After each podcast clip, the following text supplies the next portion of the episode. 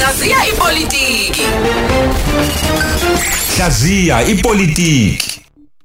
Siyangena nomfoka nomajalimane namhlanje kuseni nje sizoxoxa sikhuluma eh asihlaziyele ngendlela ke esizokwazi ukuthi ke siqonde ngayo ukuthi uma ngabe khuluma ngezinto usuke ekhuluma ngani sikubingelele kuKhozi FM abendlovu benamandla enhla nasezantsi siyabingelela dadewethu Hey nayi indaba la indaba isihloko ngempela engicabanga ukuthi ke uyokwazi ukusichazela sona ngoba sithi nje ingozi yokuhloka kobukhosi namaqemba abohlanga ayalelwa inkululeko eminyakeni ke eyishumi kusuka manje. Ingabe konke lokho kusho ukuthini?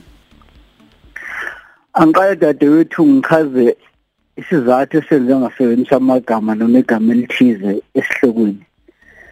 Isihloko sithi ingozi yokuhloka kobukhosi kanye namaqembu abohlanga ayelwela inkululeko. Ngisebenzisele kuhloka ngoba ngifuna umlaleli ekhaya abe nesithombe. Khona obhuti nosisi othi uma udlula uzwe kuthiwa waye ukuthi kodwa usewukuthi usehamba ngenyawo use akasaphilile usenjani uwohlokile leyo muntu.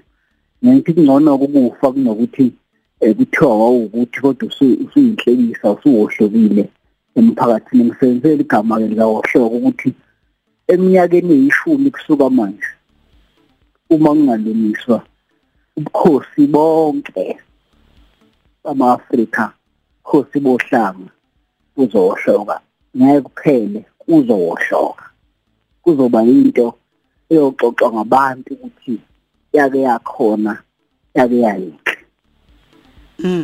ipolitiki noma amaqembu ayelwela inkululeko yabohlanga ngeke aphele kodwa azowohloka. Siyozwa kuthiwa kwake kwana lamaqembu sizwe ngamagama abaholi abakhulu size nezigameko ezinkulu kodwa eminyakeni eyishumi yawe sebewohlekile ngikusho ngani lokhu? Nokuthi ubuhlungu bukuphi kulento? Lolu dadewethu udaba lomzali okuwubukhosi nomzukulu. Okungamaqembu epolitiki yabohlanga. Ubukhosi kube umzali womzabalazo eNingizimu Afrika. Uma kuthiwa kuliwela umhlaba uma kuthiwa kuliwa nabadeshu noma kuliwa nabafo kwakubukhosi namafela nkosi amadela mzimba alwa ayidweba ngeengazi zalo eziyela leliswe okuthe uma labo bazali esephela amandla kubo kwase kuthatha abazukulu bawo ngamaqembu epolitiki ngo-1912 kuze kube manje. Ngibhlungu-ke dadewethu ukuthi lobukhosi engithi kuzohloka umkhonto eyoqeda ngabo ngeke uvele kubelungu abasekho. Ngeke uvele kumashayina wekho ngeke uvele emandiyeni awekho kodwa uyovela kubazukulu bawo. Ngikuphinda lokhu. Umkhonto eminyakeni eyishumi oyophisela inxeba eliyoqeda lokuhlozo wohloke ubukhosi njengoba sibazi. Ngeke uvele kwabezizwe uyovela kubazukulu bobukhosi okungamaqembu epolitiki kakhulukazi lawo ayeleli inkululeko ubuhlungu ngobukhono bokuthi nawo lamaqembu ngeshwa nawo kuyobe sekusho ukuphela kwawo. Ngiphinda futhi lelo azophisela lapha ebukhosini wohloke uzoyibona inkosi ngakini uzoza ngobukhosi? Uzoza kuthiwa kunamakhosi? Kodwa azobe sewohlokile azobe engasewona lamakhosi esikhule esizalwe esifunde siwazi. Azobe sewohlokile kodwa nawo lamaqembu akungaloku ngishona le nale Khongolose ISP CAC ngikhuluma nani? Ngithi uma sebuhlekile ubukhosi ngani izobulandela ngani na? Ngoba nihlonishwa nje nihluke nje. Phela lokhu kuleni yikho ukuthi ngamaqembu epolitiki kukhona nase-Europe bukhona naseshayina. Bukhona nasemelika kepha okwenze mina nahluka ingoba bekunomzali obukhosi. Angisho ukuthi ubukhosi abunawo amaphutha. Umbuzo ukuthi kufanele yini ukufa emaphutheni nawo angisho futhi ukuthi ipolitiki ayinawo amaphutha. Umbuzo ukuthi kufanele yini ukufa kakhulukazi yamaqembu enkululeko. Ngamafuphi ngithi uma sekufika ibukhosi niyobe senilahlekelwe yilokho kunenza nehluke. KwaZulu Natal nje ungayi kwezinye indawo KwaZulu Natal isenkingeni emangalisayo uyamthanda noma umthandi umntwana okwaphinda angena iqiniso elithi ngelinye ilanga umfula ulwandle oludonsela konke kulo. Liyomdonsa nalo ngelinye ilanga nje bakwenzekile kumdlokombane siyovuka ngasekho umntwana phakathi kwethu. Umbuzo uthi ubukhosi ubulungeleni lokho? Umbuzo uthi ipolitiki ikulungeleni lokho? Umbuzo ukuthi liyoba njani? Into lekufuneke bayikhuluma bakwaZulu bangayisabi ukuthi ngelinye ilanga siyovuka umntwana engekho phakathi kwethu. Okungelona iphutha kuyobe kuyimvelo. Kodwa into leso simiso noma lokho noma leso sigameko siyothini kwisimiso sikaZulu? Kuhamba umdloko mbani? Kwathini esimisweni sikaZulu? Akukhona kuphela kwaZulu kuphela dadewethu eh emampondweni isimo esifanayo kwaXhosa isimo nakangwane kuzoba njalo. Kodwa into ebuhlungu kunakho konke ukuthi ngalesikhathi ubukhosi buchuka ngeke kuvuswe ngabazukulu bawo amaqembu asehulumeni manje. Kunalokho la amaqembu ayofaka umkhonto ebukhosini wohloke.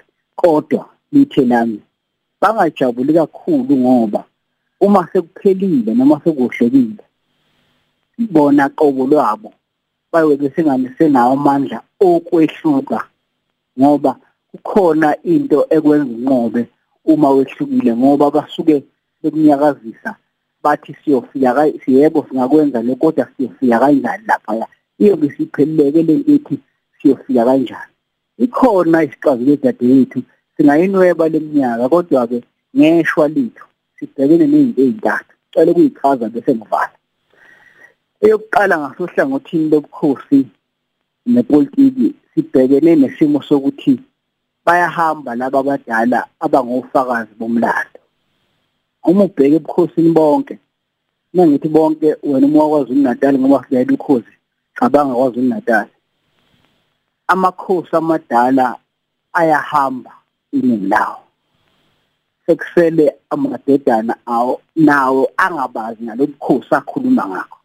Bazalwe khona bakhula khona izibongo zabo yizo impela. Kodwa bakwazi ubukhosi abayazi lemlando yawoyise sisenkingeni ngoba njengoba kunjalo nje ebukhosini nalapha kupolitiki bayahamba laba abadala kuzosala ke inganekwane ezimbili.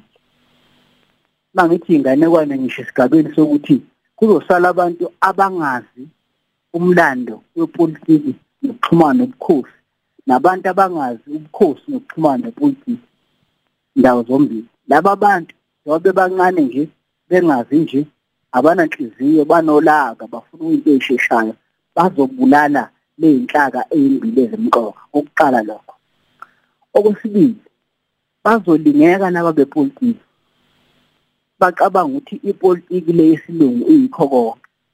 Bazolingeka bathathe lokhu okuyinhliziyo yobukhosi okuwumhlaba ngithe ngikhuluma ngobukhosi kwinizimo Afrika yonke kodwa ngobulayela ukhozi khumbula kwaZulu Natal umhlaba kwaZulu Natal wamakhosi phezu kwamaphuthayo ngonyama trust akhona naye wavumayo ethi iqiniso lithi bona bufakazi bokuthi amakhosi nobukhosi anomhlaba kwaZulu Natal bazolingeka ke labe politiki bakuthathe bese kuthathwa nabanye kuthathwe nayinqubo bese kuqhamuka inunu inqubo yenunu ezokwenza lo mhlaba ungabusaba ngobukhosi ungabusaba obahlanga angithi kuzobe kuhlangene abantu abangazi ngobukhosi kuhlangene abantu abangazi ngepolitiki.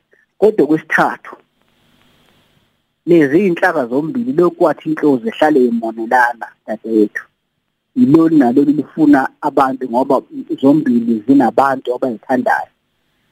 Okwamanje ipolitiki izoba namandla. Kule minyaka emihlanu eyithupha ngeshwa angiyiboni isebenzisa amandla ayo. Njengendodana ebukhosini ukuthi ibekele ubukhosi kunalokho izosebenzisa amandla ukuthi ibushabalise ubukhosi.